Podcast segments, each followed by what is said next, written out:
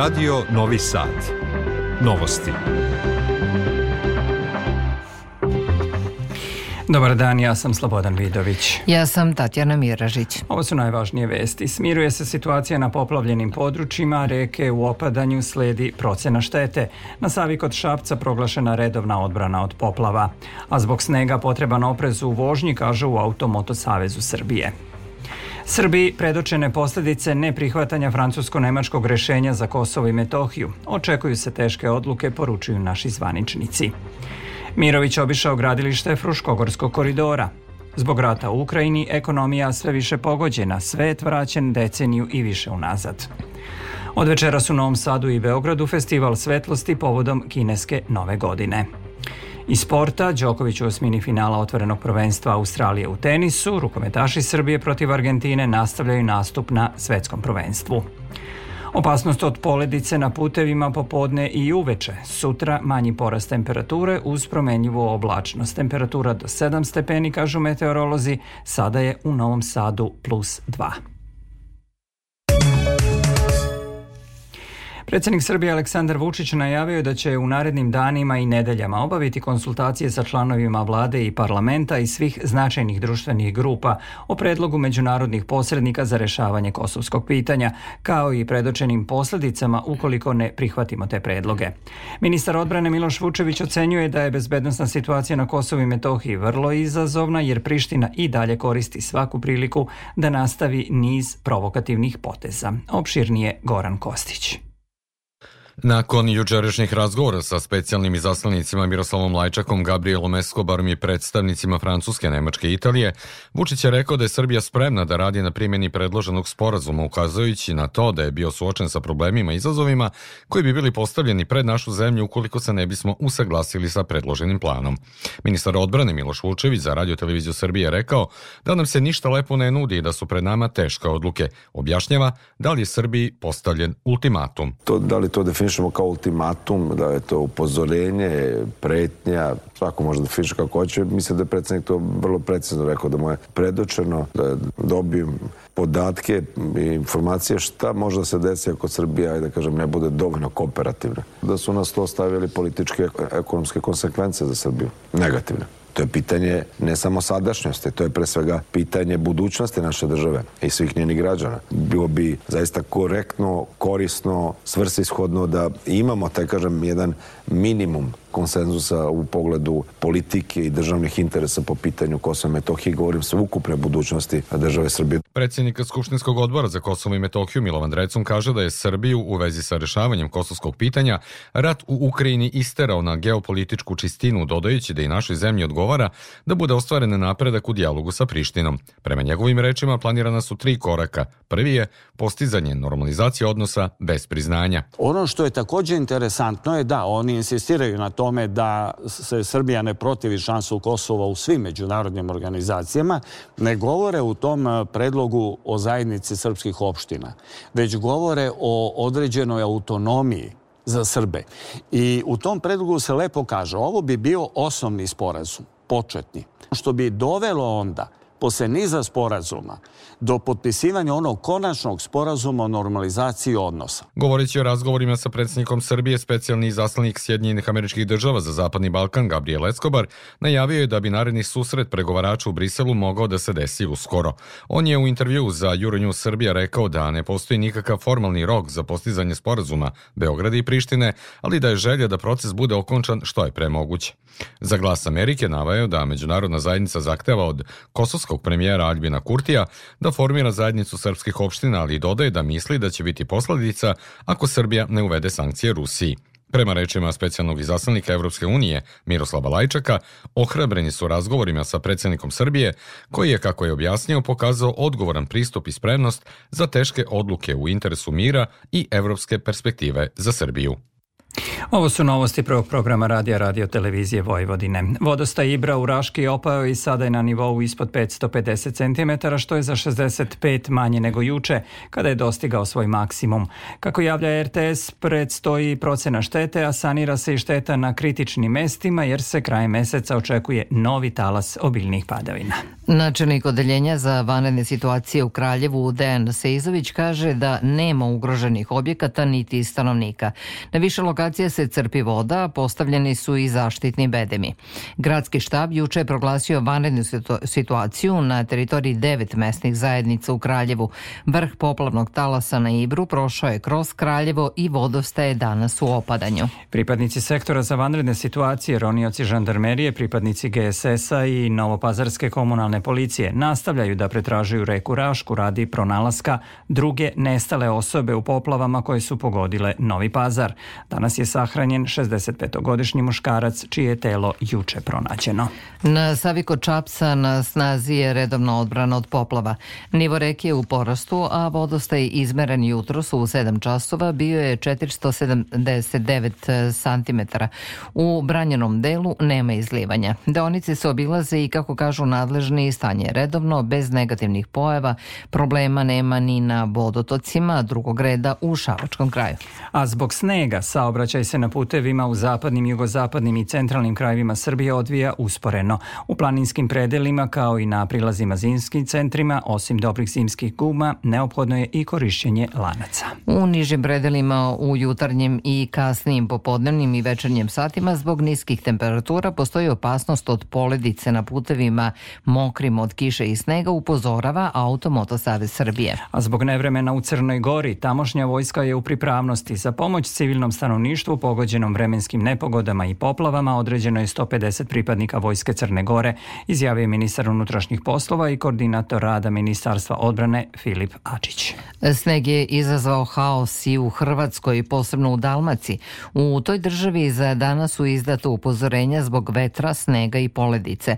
Za kamione još nema čistih drumova ka Dalmaciji i iz nje, a neki putevi su i zatvoreni zbog snega i leda, javljaju tamošnji mediji.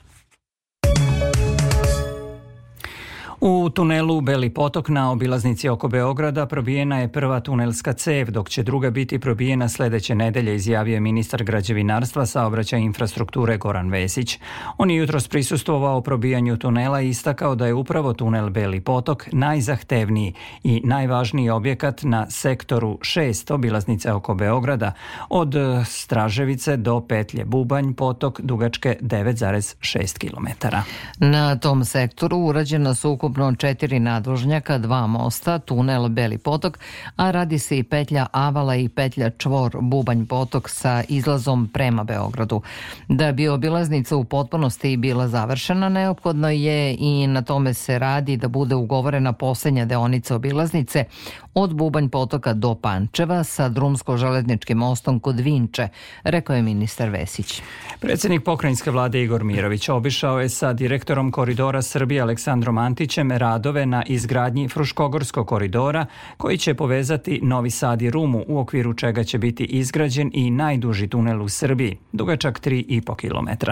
Radi se na tunelu Iriški venac i na izgradnji mosta preko Dunava između Kovilja i Petrovaradina, koji je takođe deo Fruškogorskog koridora, napomenuo je Mirović. Narodna skupština je donela odluku da ratifikuje kredit za izgradnju ovog važnog posla 10 dana pre početka sukoba u Ukrajini. Imali smo i sreće jer sada u ovoj ne previše povoljnoj ekonomskoj, pre svega globalnoj ekonomskoj, ali i opšte ekonomskoj situaciji pitanje je da li bi mogli da uđemo ovako veliki i važan posao koji će mnogo značiti za sve ljude, za Frušku goru, za turizam, za sve ono što ćemo kao novi sadržaj ovde ponuditi u narednim godinama. Pruga Sombor-Vrbas koja od prošlog leta nije u funkciji biće potpuno obnovljena, najavio je nedavno ministar Goran Vesić. Koliko je ta pruga značajna za stanovnike mesta između dva grada u prilogu Zlate Vasiljević. Od prošlog leta vozova na pruzi Sombor-Vrbas više nema, pa je i željeznička stanica Sivac, jednog od najvećih mesta na toj deonici, pusta. A nekada je bilo drugačije, prisećaju se Sivčani, Koviljka Gnjidić i Igor Vujinović. Putovalo se i do Novog Sada i do sam presedalo se naravno u Vrbasu, ali Sombor, Novi Sad, Vrbas, Crvenka. Pa i đaci i radnici su koristili. E sad će verovatno opet ako bude pruge.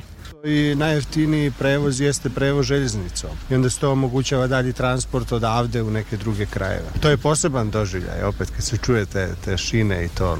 Lepo je to meni. Vozovi bi se ipak mogli vratiti na prugu Sombor-Vrbas. Rekonstrukciju ove deonice najavio je ministar građevinarstva, saobraćaja i infrastrukture Goran Vesić. Prema njegovim rečima, raspisan je tender za projektovanje, a plan je da bude urađena potpuno nova pruga kao i elektrifikacija. Vrednost projekta će biti oko 80 miliona evra. Koliko je ova pruga značajna za Sivčane, govore Nenad Puškarev i Milenko Rajić, sekretar mesne zajednice Sivac. Železnica ima veliki značaj i utjecaj na društveni i na ekonomski značaj stanovništva Sivca.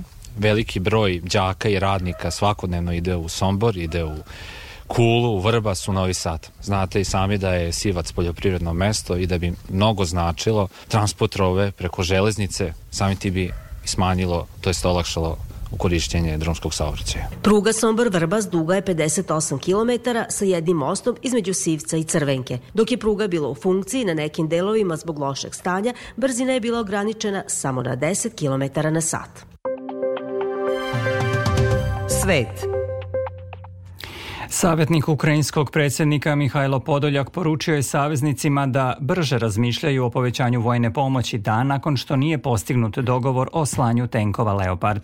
On je rekao da ne postoji drugi način da se okonča rat osim porazom Rusije. Visoki američki zvaničnici pozivaju Ukrajinu da odustane od pokretanja velike ofanzive protiv ruskih snaga dok ne dobiju još američkog oružja. Zvanična Moskva ocenjuje da je zabluda Zapada da bi slanje tenkova u Ukrajini promenilo tok rata. Umeđu vremenu devet evropskih država obećalo je Ukrajini nove pakete vojne pomoći. U Slovačkoj se održava referendum o predloženim amandmanima na Ustav koji se odnosi na prevremeno raspuštanje parlamenta i izbore. Biračka mesta su otvorena do 22 časa, a građani odgovaraju na pitanje da li su saglasni da se prevremeno raspuštanje parlamenta može sprovesti referendumom ili odlukom Skupštine, što bi bilo obezbeđeno promenom Ustava. Do sada je Slovački ustav propisivao da parlament koji se bira na četvorogodišnji mandat ne može biti prevremeno raspušten, čak i ako se vlada raspadne i nije moguće da je sastavljena većina za novu koaliciju. Vojska Burkine Faso oslobodila je 66 žena i dece koje su ranije ovog meseca oteli islamski ekstremisti u regionu Sahela, prenosi tamošnji državni mediji. Džihadisti povezani sa Al-Qaidom i terorističkom organizacijom islamske države rasprostranjeni su u Burkini Faso i do sada su bili hiljade i raselili skoro 2 miliona ljudi u toj zapadnoafričkoj državi. Neuspeh više vlada da spreče njihovo delovanje izazvalo je široko nezadovoljstvo i pokrenulo dva vojna udara prošle godine. Vojna hunta koja je preuzela vlast u septembru obećala je da će vratiti bezbednost i zaustaviti nasilje, navodi Reuters. Španske vlasti su zaplenile 3 tone kokaina procenjene vrednosti od 180 miliona evra na teretnom brodu grčke kompanije kod Kanarskih ostrava.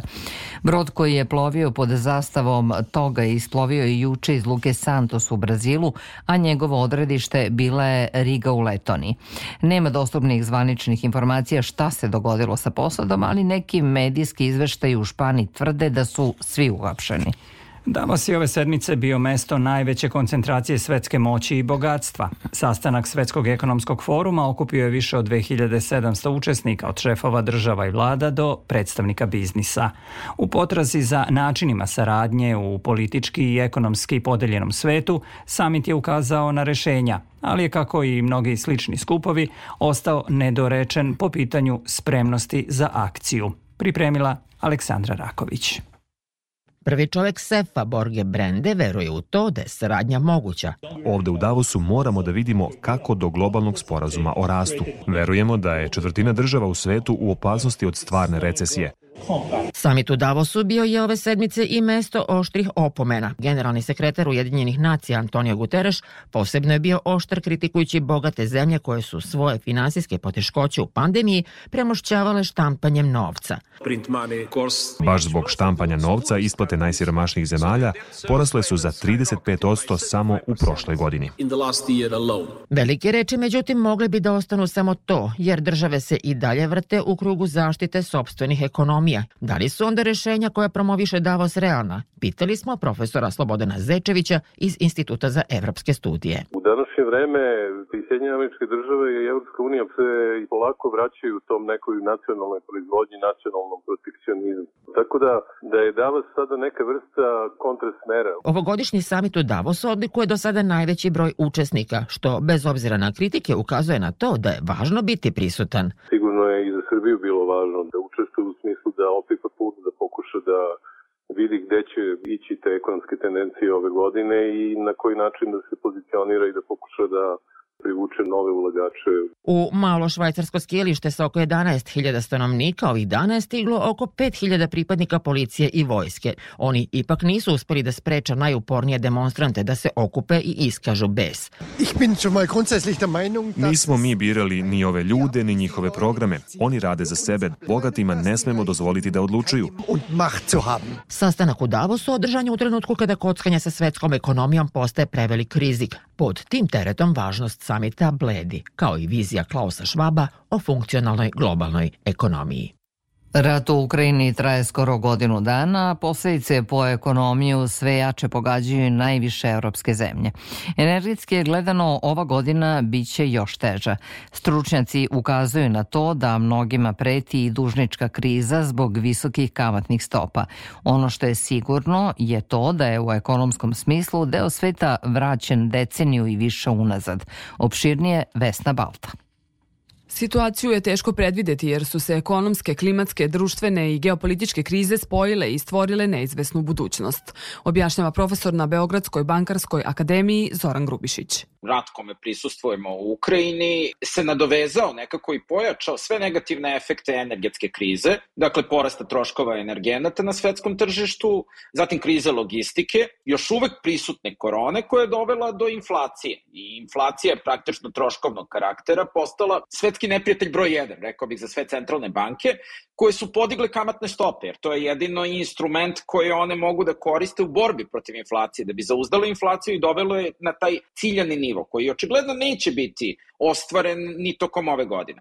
Govoreći o tome da li je inflacija dostigla vrhunac i imali mesta opuštanju, profesor ekonomskog fakulteta u Beogradu Ljubodrag Savić kaže da nema. Bio bi veliki optimista da će to da se tako dešava kada bismo mi znali da ovo što se dešava u Ukrajini, da je to ide nekom kraju. To ide ka eskalaciji, sve veći broj zemalja svijeta se uključuje u sve to. Ova kriza je zbog ove tople godine odložena, znači ekonomska kriza. Pro tome nema baš mnogo osnova da procenjujemo da će dugoročno inflacija ići dole. Dakle, možemo očekivati neki predah, to je posljedica čitavog niza mera koje pojedine zemlje preduzimaju, ali ne možete organizam koji je teško bolo da lečite snižavanje temperature. Rat u Ukrajini i sankcije Zapada Rusiji doveli su do nezabeležene nestašice energenata. Stručnjaci kažu da bi ova godina energetski mogla da bude još teža, ali i da nam je dosadašnja topla zima išla na ruku. Subvencionisanje gasa i struje i pomoć građanima i privredi u borbi protiv krize, čemu pribegavaju mnoge države, nije održivo, kaže profesor Savić. Objašnjava da smo za to dosta novca potrošili i da ćemo sada morati da se zadužujemo skupljim novcem.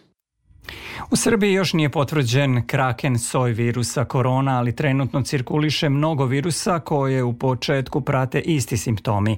Malaksalost, povišena temperatura, curenje nosa. Epidemiolozi ponavljaju da vakcinacija sprečava nastanak bolesti i tešku kliničku sliku i hospitalizaciju. Institut za javno zdravlje Milan Jovanović Batut objavio je da je u našoj zemlji od 9. do 15. januara registrovano skoro 9.500 slučajeva oboljenja slični gripu, najviše kod dece do 14 godina. Do sada su u Srbiji potvrđena tri tipa virusa gripa i njihovi podtipovi. Slušate novosti. Srbija je jedina zemlja u Evropi koja kinesku novu godinu proslavlja festivalom svetlosti i ove godine na taj način će u Novom Sadu i Beogradu biti obeležena ta godina. Ideja manifestacije koja počinje u 17 časova jeste da se posetioci upoznaju sa kulturnim nasleđem Kine. Pripremila Maja Stojanac. Najvažniji simboli drevne Kine bit će predstavljeni svetlosnim spektaklom, umetničkim lampionima i mnoštvom instalacija, kaže za Radio Novi Sad organizator festivala Slobodan Trkulja. Predstavljanje Kine ovakvom manifestacijom čini je prijemčivom za sve generacije, te je, kako kaže, funkcija festivala i obrazovna. Kineskom novom godinom tradicionalno se dočekuje proleće, kaže Trkulja, objašnjavajući ulogu svetlosti u toj tradiciji. Lampioni u tom smislu jesu ta neka vrsta njihove tradicije, ali i simbolike ulazka u novu godinu sa svetom. Svi ti lampioni koji su palili poprimili su razne oblike i koristili su svoju maštu i motive i svoje kulture i drevne tradicije. U okviru tih lampiona često će se naći motivi iz e, prirode, ali i naravno ne za obilazni zmajevi, neka mitska bića. Na taj način se učvršćuju i kulturne veze između Srbije i Kine, naglašava Trkulja oni umeju da cene kada neko poštuje i ceni njihovu kulturu, jer i oni kao narod su takvi prema drugim kulturama. Vrlo su uviđavni, imaju drevnu kulturu, znaju da prepoznaju lepotu i u drugim kulturama. E, dosta je to, da kažem, i uticalo i na naš imič tamo. I izraz ljubavi i prijateljstva prema kineskom narodu Na festivalu će prvi put biti dostupne i interaktivne svetlosne instalacije, koje će biti zabavne svim generacijama, naročito najmlađima, objašnjava Trkulja. Navodeći da posetioce do 5. februara očekuju i štandovi sa kineskom hranom, čajevima i suvenirima. Ulaz na sve programe je besplatan. U novostima i vesti iz sporta. U drugoj utakmici druge faze svetskog prvenstva u Poljskoj i Švedskoj rukometaši Srbije od 15 časova i 30 minuta igraju protiv Argentine. A u trećem kolu otvorenog prvenstva Australije u tenisu Novak Đoković je savladao Bugarina Grigora Dimitrova sa 3-0.